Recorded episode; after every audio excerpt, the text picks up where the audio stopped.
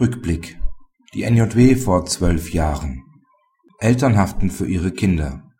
So steht es auf Bauzäunen oder Kinderspielplätzen und in § 832 BGB im Gesetz. Kommt es dann zu Unfällen, stellt sich immer wieder die Frage, wie weit die Aufsichtspflicht der Eltern reicht. Selbstverständlich ist das Alter des Kindes ein wichtiges Kriterium für die Reichweite der Aufsichtspflicht. In den vom BgH zu entscheidenden Fällen hatten Kinder 17 Fahrzeuge auf einem sich beim Spielplatz befindlichen Parkplatz zerkratzt.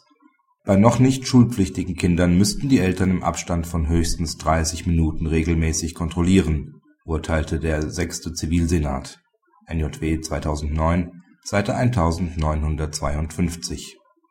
Dagegen sei ein unbeaufsichtigtes Spielenlassen von sieben bis achtjährigen über eine Dauer von bis zu zwei Stunden nicht zu beanstanden (NJW 2009, Seite 1954).